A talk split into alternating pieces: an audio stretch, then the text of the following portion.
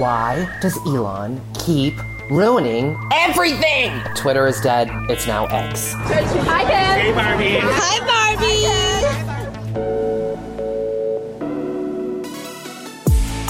Welkom bij Internetten, de podcast waarin wij, Samia Afsawi, Timo Harmelink en ik, Marieke Kuipers, jou wekelijks bijpraten over het beste en het slechtste van het internet. Deze week beginnen we eindelijk een podcast over het internet. Valt het internet uit elkaar? We hebben het natuurlijk over Twitter, pardon, X, want Musk had weer een ingeving. Maar we zijn ook een positieve podcast, dus we gaan kijken naar de toekomst van social media en leggen uit wat de Fediverse is. Samja en Timo die keken Barbie en hebben een hele sterke mening. Ja. Ja, we zitten hier ook in de studio helemaal in thema. Ja, jullie wel, ja. Ik had, ik had de memo Maar ik heb de memo gekregen. Ik zit hier in mijn eh veelste eh, een t-shirt met eh, Barbenheimer. Met vind twee pixels en een aardappel. Ik vind hem vanaf een afstand wel leuk. Ja, van de afstand is hij heel leuk. Ja, de ene helft is Barbie, die is helemaal roze. En Ja. de andere helft is heel bleak en eh, Oppenheimer vibes. maar die helft is niet gecentreerd. Ja, yo, jullie stuurden mij een Twitterlink waar ik dit kon kopen ooit. Een paar maanden geleden. Toen dacht ik, ik val daar gewoon voor. Ik koop hem. Geef je ons de schuld? Nee, ik geef jullie niet de schuld. Ik zeg alleen waar het begonnen was. Ik heb mezelf voel ik me Ah. schuldig dat ik hem gekocht heb. Want hij is echt intens lelijk en Ja. slecht van kwaliteit. We doen wel een foto op de social. Ja, dan kun je Ook zien. gewoon ingezoomd. Hoe- in detail kan zien. Voor de graphic designers, het, er zit echt ook een, een pixel net verkeerd. Ja, het is echt, echt intens lelijk. Maar, Maar Marieke, jij weet waarom dit komt. Ja, tenminste, want wij stuurden, ik weet niet meer wie de link stuurde, maar we stuurden natuurlijk een link naar het plaatje wat jouw shirt is, of in ieder geval een shirt. Iemand had een ontwerpshirt gedeeld op Ja. Twitter van, oh wat vet. En toen deelde iemand dat in onze groepsapp van, kijk hoe, hoe leuk, Barbenheimer. Maar wat je dan krijgt is als iemand een leuk shirt design post op Twitter, dat er allemaal geautomatiseerde bots zijn gemaakt van websites die shirts printen, oh ja. die dan eigenlijk gewoon heel Twitter continu afzoeken naar dat soort dingen. En dan automatisch, meteen, gewoon instant een linkje maken waar je dat shirt kan bestellen.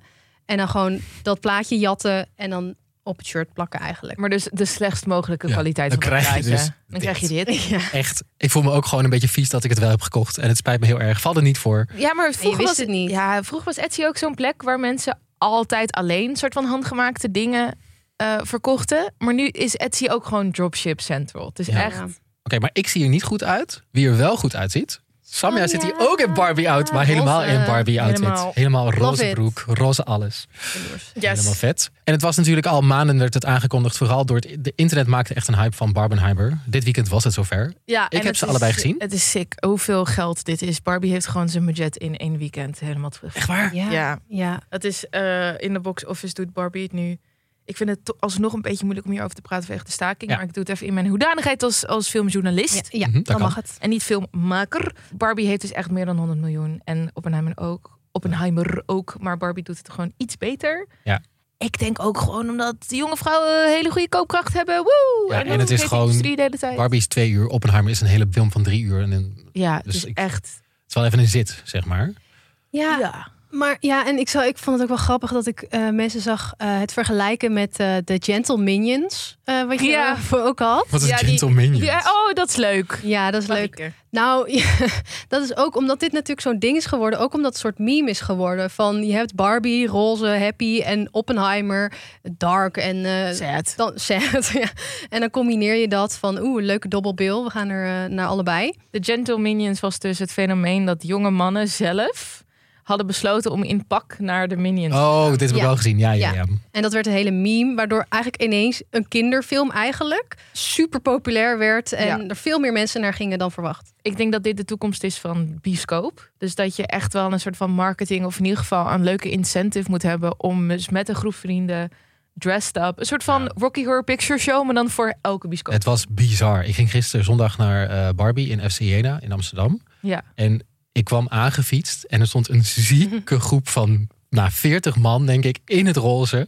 Stond van woehoe! Gewoon helemaal leuk? zo cute. En dan moet je dan hi Barbie en dan gaat iedereen ja, terug. en dan gaat hi iedereen, Barbie. hi Barbie, hi Ken, hi Barbie. En eehm, ik dacht, oh nee, maar straks... Ik was wel zo van bang dat ze bij mij in de zaal zaten. Maar dat was ook wel weer leuk. Een soort van hele ervaring. Superleuk, Maar ze ja. zaten in de voorstelling voor mij. Ah. Maar het was gewoon letterlijk, eh, de ene Barbie-vertoning is voorbij. De andere gaat weer beginnen. Volle zaal. Oppenheimer zat ik in I, zaal 1. Dat is echt een 70 fucking mooie millimeter? zaal. Ja, Ja. Oh ja, dat is ook Ehm, he- ook helemaal vol. Vond ik zo leuk. Ja, dat is wel top. Het, do- het doet het goed voor de filmindustrie. Ja. Maar eh, eh, Timo, jij en ik hebben hem gezien. En we hebben niet de meest populaire mening over deze film. Nee, ik wilde heel graag Barbie leuk vinden. Ja, Ik vond het echt geen goede film. Ik vond het echt geen goede film. ja ik, ik was dus echt aan het huilen. Maar niet om, ja, omdat ik dus zo boos en teleurgesteld was. Ook over mezelf, dat ik er niet van kon genieten. Ik vond het wel vermakelijk. Dus ik heb me niet. Ik zou het gewoon drie sterren geven. Het is prachtig. Het is een Ziet er goed prachtige uit. film. Laat ik dat vooropstellen. Het is Ja. een prachtige Esthetisch film. gewoon. Ja, esthetisch is het echt amazing. Maar wat mijn probleem heel erg mee was, het voelde eigenlijk als dat van. Ik hou altijd wel van show, don't tell. Ja, En dit was precies het tegenovergestelde. Het was tell, don't show. Dus het was tel de hele tijd. Alles was Hmm. tel. alles wel was een soort van monoloog om je het feminisme uit te leggen. En het lag er heel erg ja. dik We bovenop. lagen zo dik boven. Nee, maar los daarvan, het was ook... Elk personage zei precies wat er moest gebeuren... om naar het volgende punt in de film te komen. Mhm. Dus het was een soort van opstapeling van... Ik voel dit en omdat ik dit voel moet ik nu dit doen. En ik doe dit omdat ik dit voel. En omdat ik dit voel moet ik nu dit doen. Ta, ta, ta, ta, ta. Ja. Er zijn van die, een soort van vage, soort van Mhm. bijzondere opgooitjes in Barbie... die totaal niet ingelost worden. En daar werd ik heel gefrustreerd door.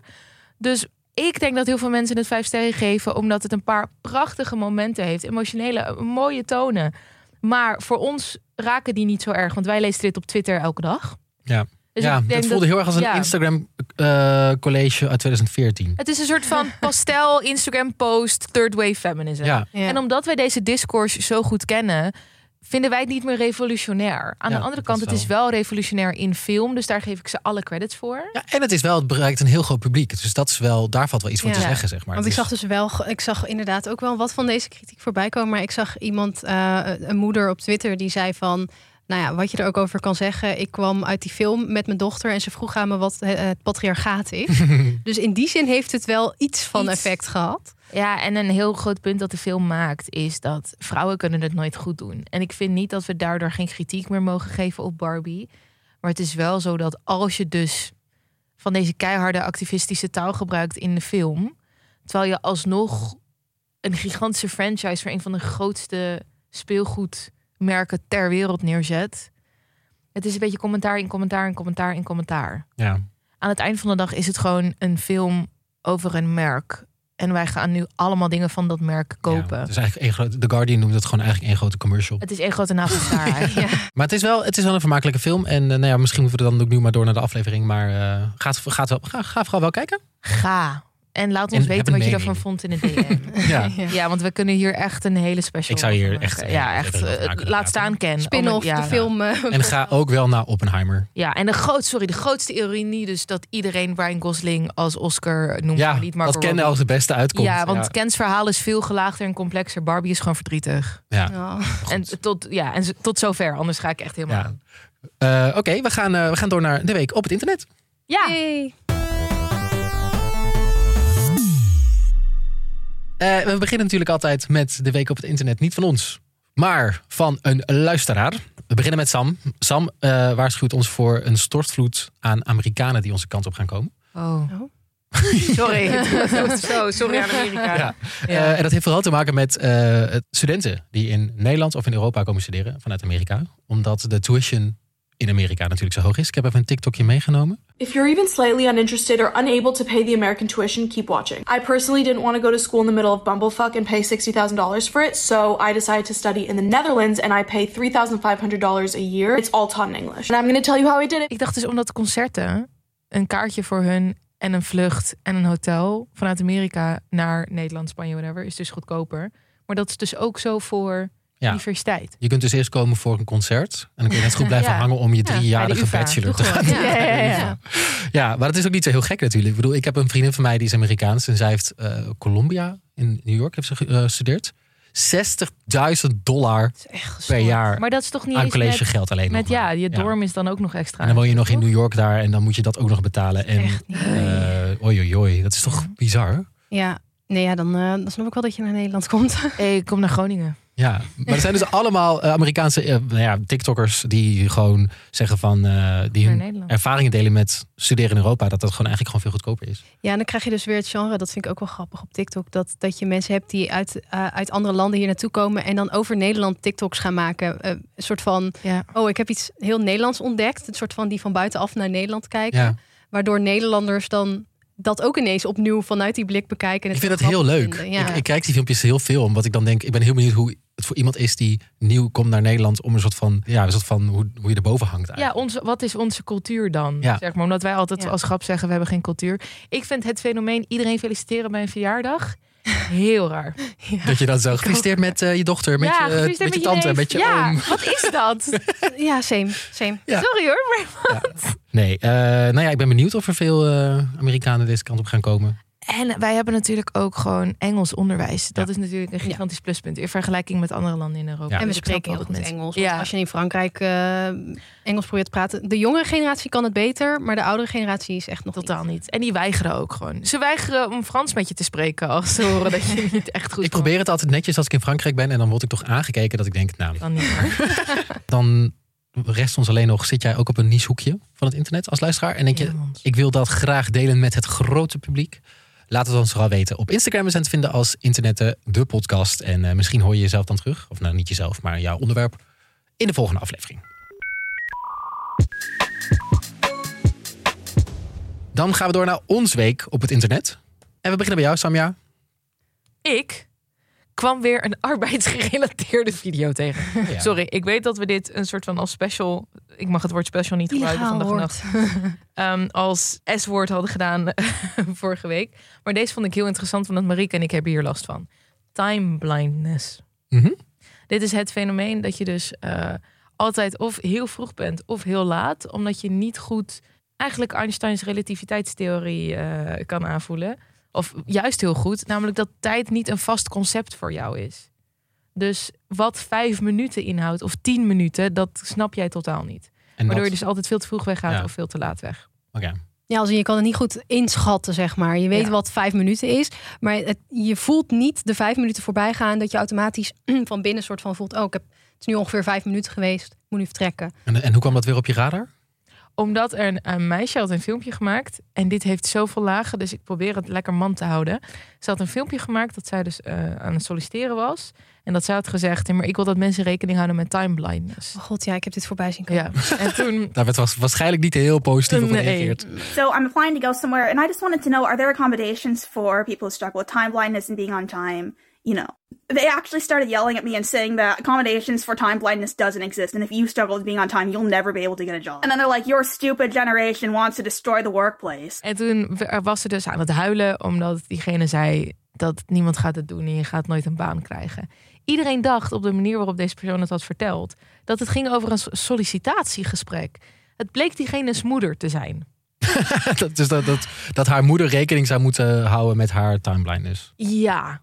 En toen eh, ontplofte dus het internet. En heel veel mensen hadden hier een reactie op gezet van... sorry hoor, maar er is gewoon ADHD en symptomen van ADHD. Want dit valt dus onder ADHD-symptomen. En het is een echt ding, timeblindness, laten we dat voorop stellen. Maar dit is ook gewoon levende samenleving. For people struggle with time blindness and being on That person is upset about lack of accommodation for time blindness, which is essentially complaining about not being allowed to be late all the time. En ook mijn man zegt het ook altijd tegen me. Dat je dit hebt, betekent niet dat je hiermee moet leven. Daar moet je dus je kan, het, je kan jezelf eraan aanpassen. Ja, je, het is niet dat je denkt, oh, ik heb time blindness, dus ik ben altijd te laat. Nee, je hebt time blindness, dus neem actieve stappen om dit voor jezelf op te lossen.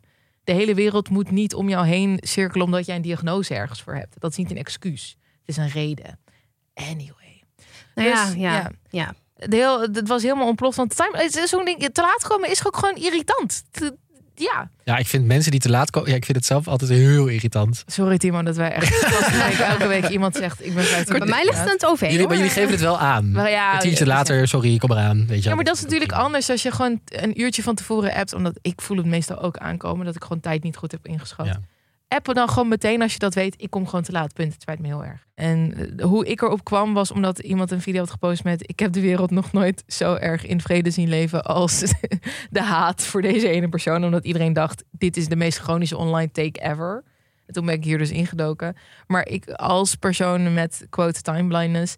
vind ik wel dat dit een goed punt is om te bespreken waar we dan de streep trekken. Want wij zitten nu in een soort van chronisch online. Iedereen met een mental health issue moeten wij respecteren en moeten wij grenzen aanstellen. Vind ieder- ik heel ieders- goed. Ja, dat vind ik op zich ook Ja. een goede trend. Alleen er is een limiet. Ja. Dat we ergens rekening mee houden betekent niet dat we alles maar moeten accepteren voor wat het is. Er is hulp, is basically mijn, mijn conclusie aan dit manifesto. Ja. Ja. ja, ik denk zeg maar een nuance is wel natuurlijk dat eh, je kan er maatregelen tegen nemen.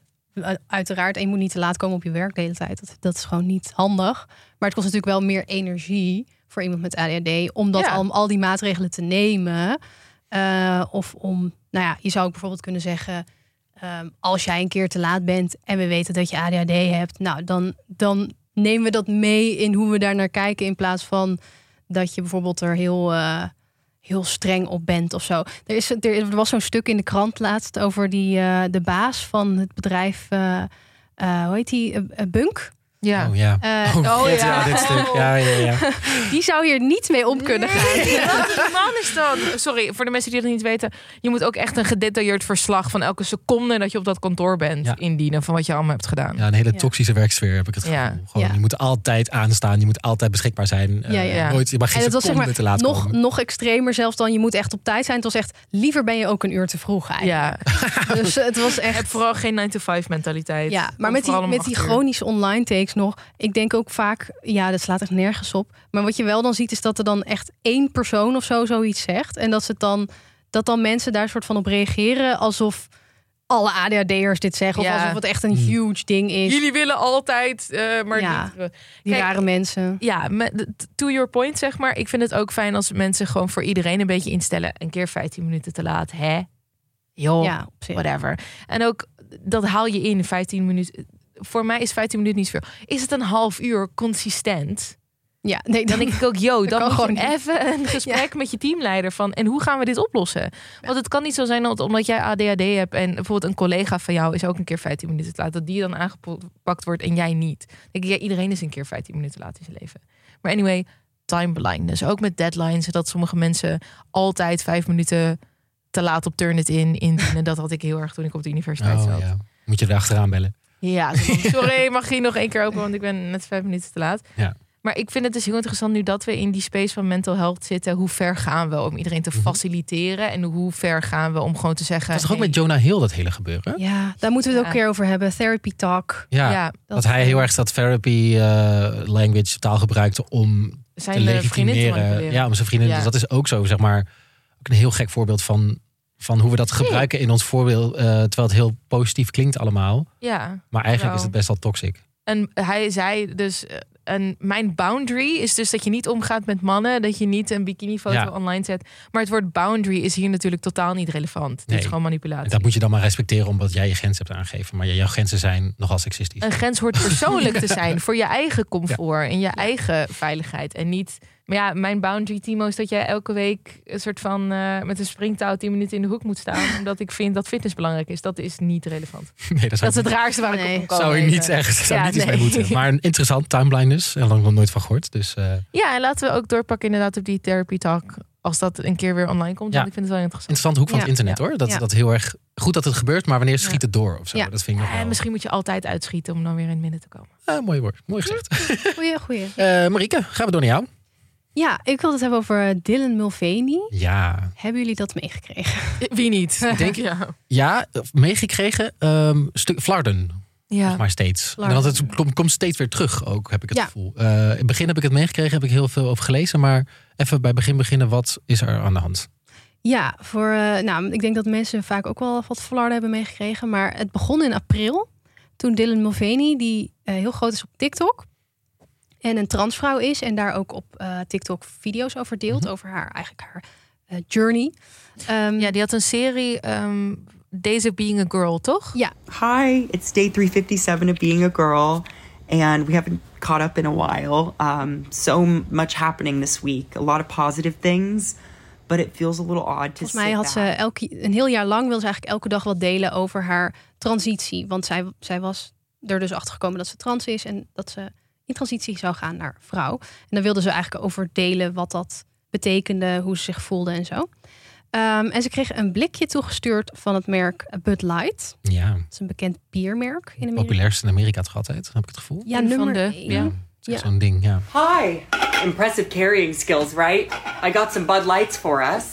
So, I kept hearing about this thing called March Nou, Madness. het hele internet eh barstte uit zijn voegen, leek het. Ja. Het was vooral de hele rechtsconservatieve kant. Want zij ging gewoon op eh, TikTok met dat gewoon zoals je kent bij Met haar gezicht erop. Haar Het was echt zo'n standaard PR-dingetje. Ja. Echt, Ja. volgens mij was het filmpje nog niet eens een minuut lang. Mhm. Eh, ze had één blikje met haar gezicht erop toegestuurd gekregen. Dat liet ze even zien van, hé, hey, wat leuk, grappig. En dat ene filmpje, dat, dat heeft haar echt maanden aan bedreigingen, haat, ehm, eh, transfobie. Heel groot in het nieuws uitgemeten ook. In Ja. rechtsconservatief nieuws. Want wat, was hun, wat, wat zeiden ze daarover, de rechtsconservatieve kant? Nou, eigenlijk ging het meteen los met een paar hele grote internet-influencers... die dan eh, heel erg aan de rechtse kant zitten. Die zeiden van... eh, Bud Light is ineens woke geworden. Ze willen, nou het klassieke verhaal, ze willen trans mensen pushen. Gewoon eigenlijk alleen maar omdat Dylan Mulvaney een transvrouw is. Eh, want verder waren ze nergens boos over. Alleen maar omdat Dylan Mulvaney een transvrouw is. Ja. Dat is echt het enige wat er is gebeurd. Oké, voordat we verder gaan, ook nog even een trigger warning. Ehm, we gaan namelijk wat negatieve reacties laten horen uit de rechtsconservatieve hoek. Die allemaal voorbij kwamen op social media. Die zijn echt best wel heftig. Vooral tegen trans mensen. En als je dat dus even liever skipt, is dat natuurlijk ook heel begrijpelijk. Ga dan even een minuutje verder om dit te skippen. Want we laten ze natuurlijk niet horen voor sensatie, maar om gewoon even de ernst te laten horen van hoe heftig deze reacties waren. I don't understand why companies don't understand once you go woke, you go broke.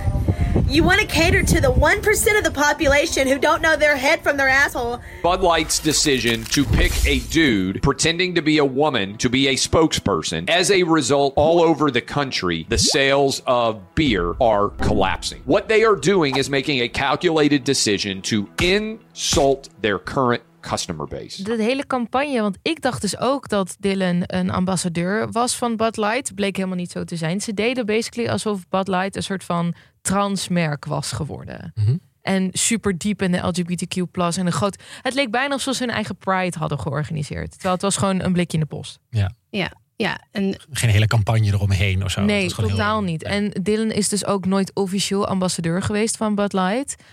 Maar alleen al omdat mensen dat dachten, gingen zij dus de supermarkt in om blikjes te verwoesten. Ja, want dat kan ik me, al die video's op TikTok kan ik me nog wel herinneren Ja. van mensen die dan inderdaad allemaal buts in een fik steken omdat Ja. ze het er niet mee eens zijn. En, en Ja, dat heeft ook wel het beeld bepaald, denk ik. Ja. Dus dat online mensen inderdaad echt blikjes kapot gingen schieten ook. Wel Lekker gewelddadig. Grandpa is feeling a little frisky today. Let me uh, say something to all you and be as clear and concise as possible.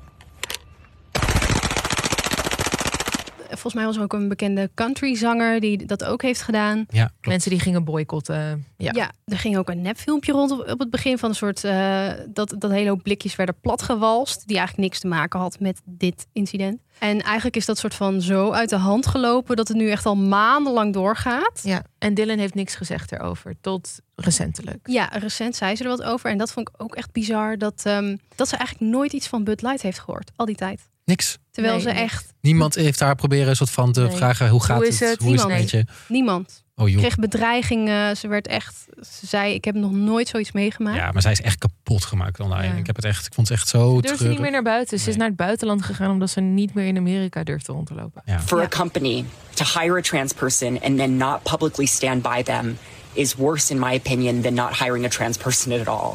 What transpired from that video was more bullying and transphobia than I could have ever imagined. Maar het, het, het interessante is dus ook hoe de nieuws dat heeft, eh, het nieuws het, dit verhaal heeft opgepakt eigenlijk.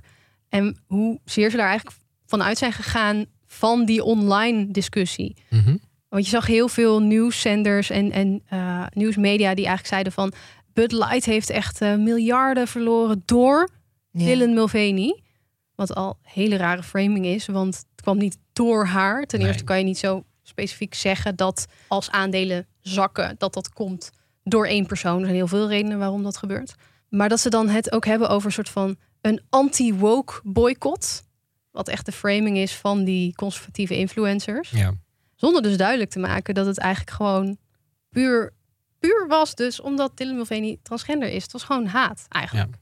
Maar het is een soort van gebracht alsof het een anti-woke boycott is. En heel veel geld heeft gekost. Dus ja, misschien moeten bedrijven dan maar eh, daar eens over gaan nadenken of ze dat wel willen. Of ze dat in de toekomst ook willen gaan doen of niet. Ja. Ja. Hoe staat het er nu voor? Nou ja, de laatste ontwikkeling was dus dat ze, dat ze zei dat ze niks had gehoord van, eh, van Bud Light. En ik vind Ja. het grappig ook wel, wat eigenlijk niet zo goed in de media is geweest, is dat er ook weer een andere kant was online. Want je had natuurlijk de mensen die blikjes kapot gingen schieten. Maar ook heel veel LHBT'ers online die zeiden van... Die Bud Light gingen drinken. Die, die nooit Bud. Want ik, ik, ik, ik heb altijd Bud, het merk Bud Light. Vind ik altijd zo heel conservatief Amerikaans ook al.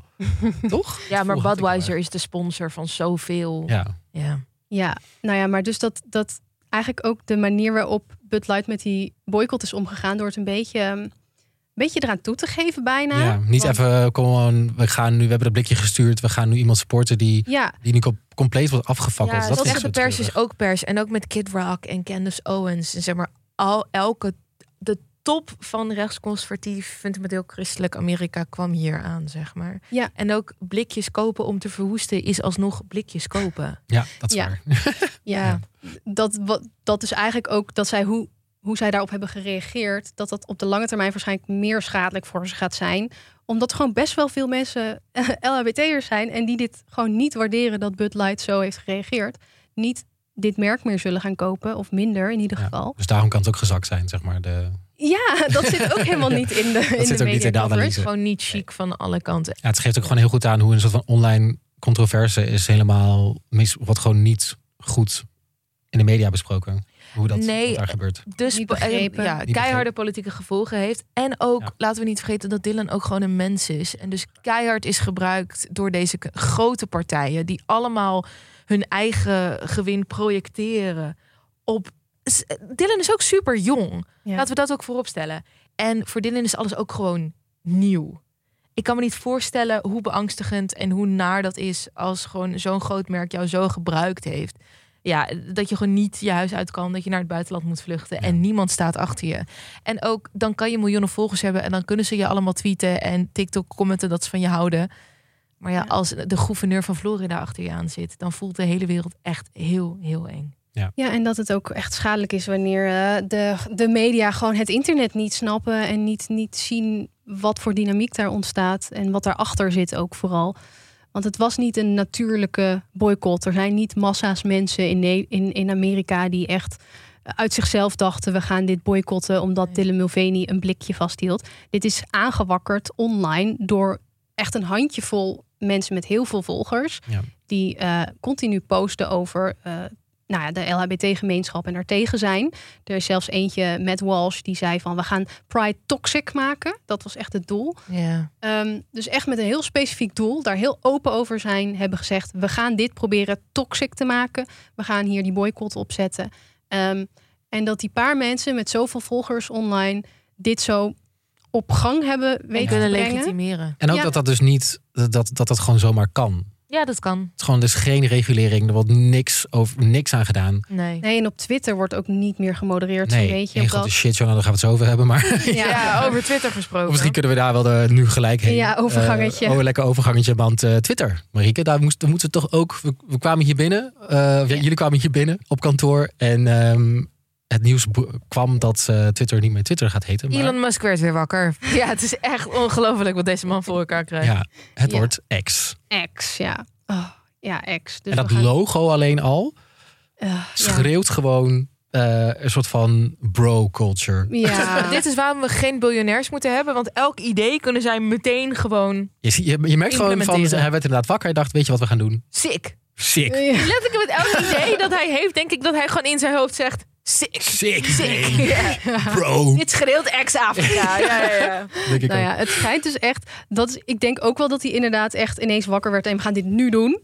Maar het schijnt dus dat hij dit idee van X, de website X, echt Ja. al tientallen jaren heeft. Oh, dat heeft hij dus niet, werd hij niet wakker. Maar met- het is dus de ex-sfeer toch of zo? Hij wil een soort van super... Ja, hij wil. ehm, Net zoals SpaceX. Dit valt allemaal onder Elon SpaceX. Musk X. Oh. nou, de ja, X-verse. Maar wat wil hij doen dan? nou, hij wil een everything app maken van Twitter. Oké, X, niet Twitter, sorry. Ehm, nu al niet lekker. Kijk uit. nee. Ja. Nou ja, we- kunnen we niet gewoon afspreken dat we het gewoon geen X gaan noemen? Dat we gewoon in verzet komen en zeggen we gaan gewoon door met Twitter en tweets noemen? Of is Ja. dat. eh, Lijkt me goed. Zullen we dat gaan doen? Zoals Kleenex. Laten we dat gewoon zakdoekjes zijn Maar heel even bij begin. eh, we gaat, het wordt nu X. Ja, het wordt X. Ehm, het logo is aangepast. De website, eh, als je naar x.com gaat, ga je, word je ook doorverwezen. Stop, echt? Twitter, als het goed is. Ja, ja dat gebeurt nu. Beste. Ja. In eerste instantie, toen hij dat gisteren aankondigde, ging het nog door naar een soort rare server website. Dat ging nog maar eens niet helemaal lekker. ging nog niet helemaal ook lekker. altijd iets aan en is het dan net te vroeg of Ja, zo. dan werkt het nog net niet helemaal lekker. Nee, maar, Maar je had het net over de X-verse, dus hij wil een everything app maken. Ja, het hoort een beetje bij zijn plan om van Twitter ehm X te maken. En, en dat je daar eigenlijk zo'n beetje alles kan gaan doen. Dus, en dan vooral geld uitgeven. Ja. Dat je daar dingen kan gaan kopen. ehm, en, en eigenlijk communiceren met iedereen. En dat je eigenlijk zo'n beetje alles wat je online doet, ook in die Everything app. is dat een beetje als WeChat? Ja, basically. Toch? Want daar kun je ook volgens mij alles altijd doen. Ja, basically. Ja, ik zag het ook al online voorbij komen. Dus zoals WeChat, zei iemand op Ja. Twitter. Ja. Ja, een beetje wel eigenlijk. En eh, je, volgens mij zei je stuurde ook het idee inderdaad van in de WhatsApp groep dat hij dit ook een keer heeft gepro- geprobeerd met PayPal.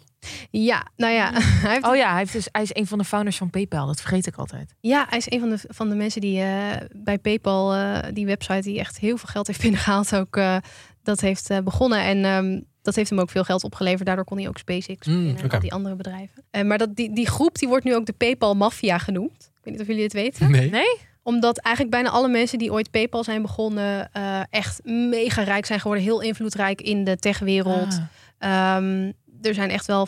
Peter Thiel is bijvoorbeeld zo iemand. Die heeft het overgenomen toen Elon Musk eruit werd gegooid. Ja. onder andere, niet alleen maar hierdoor, maar onder andere omdat hij heel graag X.com wilde maken van Ah, toen al. Ja.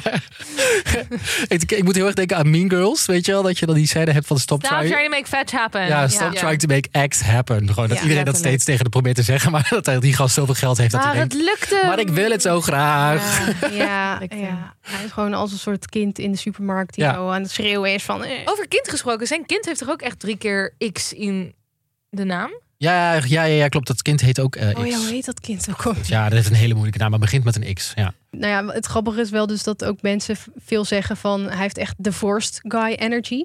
Wat is dat? Wat? Divorced guy energy. Oh, de vorst, ja. Ja.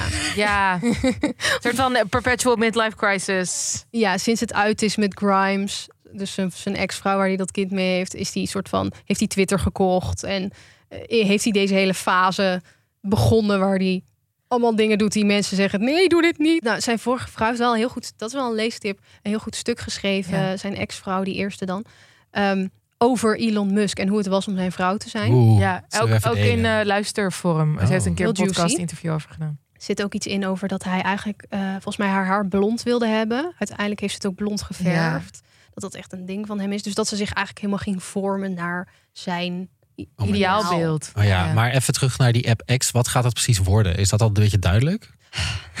I mean, het is Elon Musk, dus Ja, Ehm, misschien morgen weer wat anders. ja, misschien wordt het morgen, weet Ja. ik veel, X, Y, Z. eh. Ja. Nou ja, eh, nee, het is wel zo dat al het logo is aangepast. Wat echt een soort saaie X Oh, je is. hebt- Terwijl het was zo'n mooi logo. Ja, ik vond het ook een mooi logo.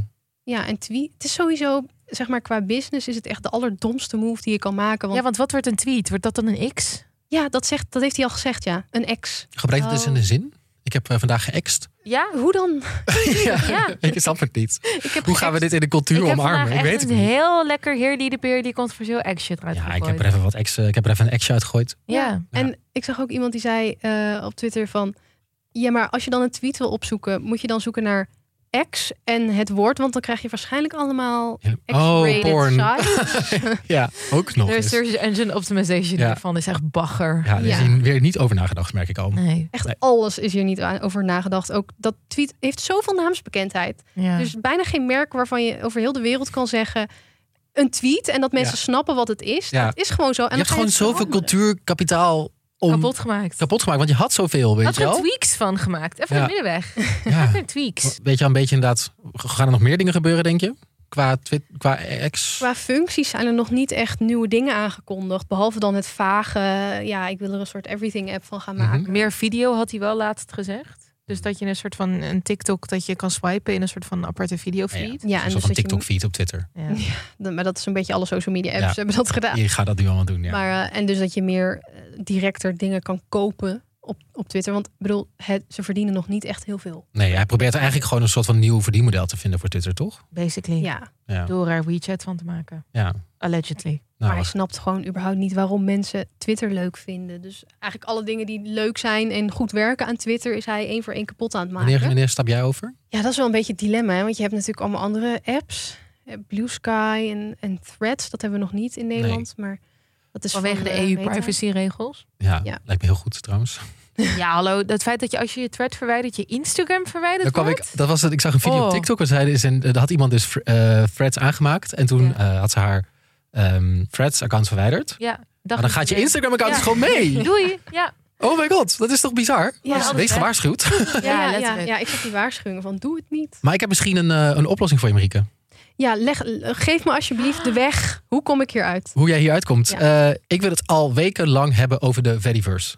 Ik word ermee kapot gespamd eh, op TikTok, op allemaal social media apps. Many people may already be aware of the fact that Meta's new application Threads is not available in the European Union, and some people think that's a problem. But the honest truth, I don't think it really matters when you understand the whole of the Fediverse integration that is going to be coming to Threads and that it will be able to talk to Mastodon. Ik lees er heel veel over. Ik vind het super interessant. Hoeveel artikelen zit jij nu? Timo? Ik zit nu op 30. Dat is echt heel veel. Ik heb echt heel veel artikelen hierover gelezen, maar nog steeds is het me een beetje een vaag gebeuren. Ja, leg het mij uit, want ik dacht dat Freddy gewoon een guy was. En hij dat een soort van alternatief internet had ontworpen die de Fediverse Nee, heette. Maar nou ja, is ik, het ik, ga eens even Ja. begin bij, ik ga gewoon bij begin beginnen. We gaan het natuurlijk over X, ofwel ehm, nou ja, Twitter. Dan heb je nu natuurlijk de Twitter killer, Threads. Ja. Wat zo interessant is aan Threads is die heeft aangekondigd een Fediverse integratie in te bouwen in de app. En dan zie ik jou denken, wat, Wat een, is een je? Fediverse integratie. Ja. En wat ik er zo interessant aan vind, de Fediverse is eigenlijk een soort van nieuw internetsysteem.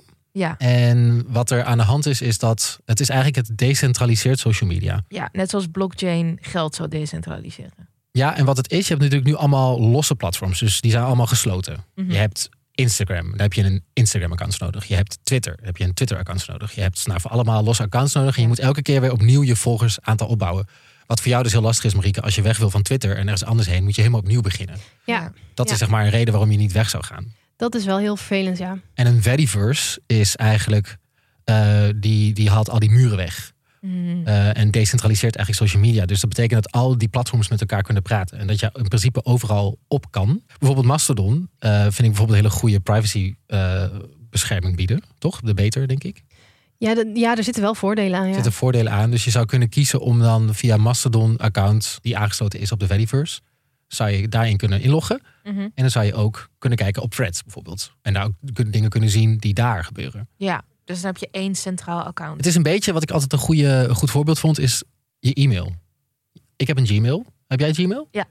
Ja. Je hebt ook Gmail. Oké, nou prima. Maar je hebt ook mensen met Outlook en met Hotmail. Yahoo. Ja. Yahoo en allemaal, allemaal verschillende Ik had een mailsystemen. live mail. Ja. Ja, Ja. oh ja. Nou, je hebt allemaal nog veel gekkere. Maar wat wel kan, en dat is dus een soort van Fediverse voorbeeld. Ik kan in principe gewoon met mensen in contact komen die andere systemen, andere platforms gebruiken. Ja, iedereen kan elkaar e-mailen. Ja. Maakt niet uit wat de drager van je e-mail is. Of Ja. Zo. ja. En Mastodon is al aangesloten op de Fediverse. En nu dat Threads dat ook heeft gedaan, vind ik dat gewoon super interessant. Want dat zou kunnen betekenen dat je heel makkelijk je volgers mee kan nemen van het ene naar het andere platform als je, daar, als je dat zou willen. Ja. Eh, en het geeft veel meer macht aan het individu dan aan losse platforms. ja, wat ik dus... Ik ben heel erg fan van hierover nadenken en zo. Ik denk dat de toekomst gewoon is dat je gewoon... als- Net zoals je DigiD. Dat het gewoon één social account is per persoon. Ja, en dat is volgens mij ook wat het zou dat moeten wil zijn. het zijn. Ja. Maar ik vind het zo interessant van, ik, ik heb hier zoveel over gelezen, maar voor mij, ik denk dat dat voor ons allemaal zo is. Wij zijn allemaal opgegroeid met een bepaald soort manier van internet. Ja. Eh, Hives, MySpace, Tumblr. Ja, dat naar Hives. Dat soort dingen zijn natuurlijk allemaal wel voorbeelden van gesloten platformen. En wij, Ja. in mijn hoofd kan het niet anders.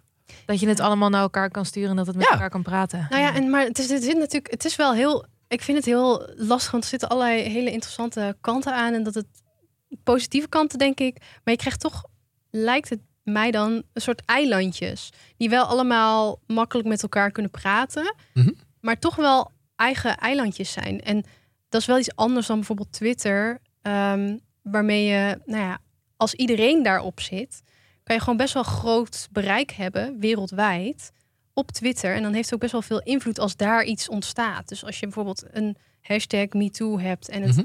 begint op Twitter rond te gaan. Ik vraag me af hoe dat dan zou werken als je allemaal verschillende losse eilandjes in dat Fediverse hebt. Dus dat Ja. er op threads iets ontstaat of op... Nou ja, volgens mij is dat één groot nadeel, of wat een soort van zorg is, dat er van die echo chambers ontstaan. Mhm. Dus dat je mm, alleen maar dingen volgt en ziet die je zelf leuk vindt. Wat dan natuurlijk al een beetje... Waar je nooit meer uitkomt. Waar je niet meer uitkomt. copy-paste van alles. Ja, dus dan ga je misschien allemaal verschillende, dat jij zegt eilandjes krijgen waar je niemand meer met elkaar praat. Wat eigenlijk basically volgens mij ook wat internet al een beetje is geworden, ook al is het een gesloten platform. Ja, maar ik ga toch ook niet als ik naar een website wil, dan ga ik toch ook niet naar de, een andere website. Dat is toch een beetje hoe het werkt. Kijk, tik, ik vind TikTok leuk omdat je hebt je FYP en je krijgt van alles mee. Maar dat van alles is ook weer binnen de context van wat die app van je weet. Ja. Nou, ik vind het gewoon interessant dat Freds heeft aangekondigd van... we gaan hier aan mee. Misschien, we gaan dit integreren. Maar de Nederlandse denk, overheid toch ook? De Nederlandse overheid heeft Mastodon. Ja, die, heeft het ook, eh, die zit er ook op. Wat is de incentive van Freds om hierbij aan te sluiten? Ik snap dat, dat snap ik dus niet zo goed. Ik denk gewoon dat hele web 3.0 en als je oprecht denkt dat dat de toekomst is, dan net zoals met een, een, een- als ik nu een film maak en ik doe hem op videoband, dan weet ik dat heel veel mensen de film niet kunnen kijken, want ze hebben geen videobandspeler. Ja. Als social media of web 3.0 de standaard wordt en jouw social waar je heel veel geld in hebt gepompt, kan niet meer mee op Mastodon, omdat je dat niet zo hebt gebouwd, dan is het voor jou voorbij. Ja. Dus ik denk dat dit Threads is die zegt wij denken ook dat Mastodon de toekomst is. Dus we Ja. maken het nu al gewoon. En het is voordelig voor ons dat mensen dan makkelijk hun volgers mee kunnen nemen naar ons toe bijvoorbeeld. Dat ze naar ons toe gaan. Ja, want het- Threads kan toch ook een andere social media maken die ook op die Mastodon server zit. En zo krijg je alsnog een soort van gatekeeping. Ja. Ja, en, het, en je hebt ook een beetje het verhaal wat je bij Reddit had, dat daar heel veel eigen communities zijn die zelf modereren. En dan dat je de, de, de, ja, de moderators hebt eigenlijk die een beetje controle hebben over hun kleine universumpje, namelijk die subreddit. Ja. Ehm, dat is een soort van, ik denk een voordeel en een nadeel ook wel van die Fediverse. Want daar heb je ook een soort van mensen die steeds die kleine sub-eilandjes op Mastodon, die servers zeg maar leiden, of de moderators zijn. Ehm, en die hebben best wel veel macht. Ja.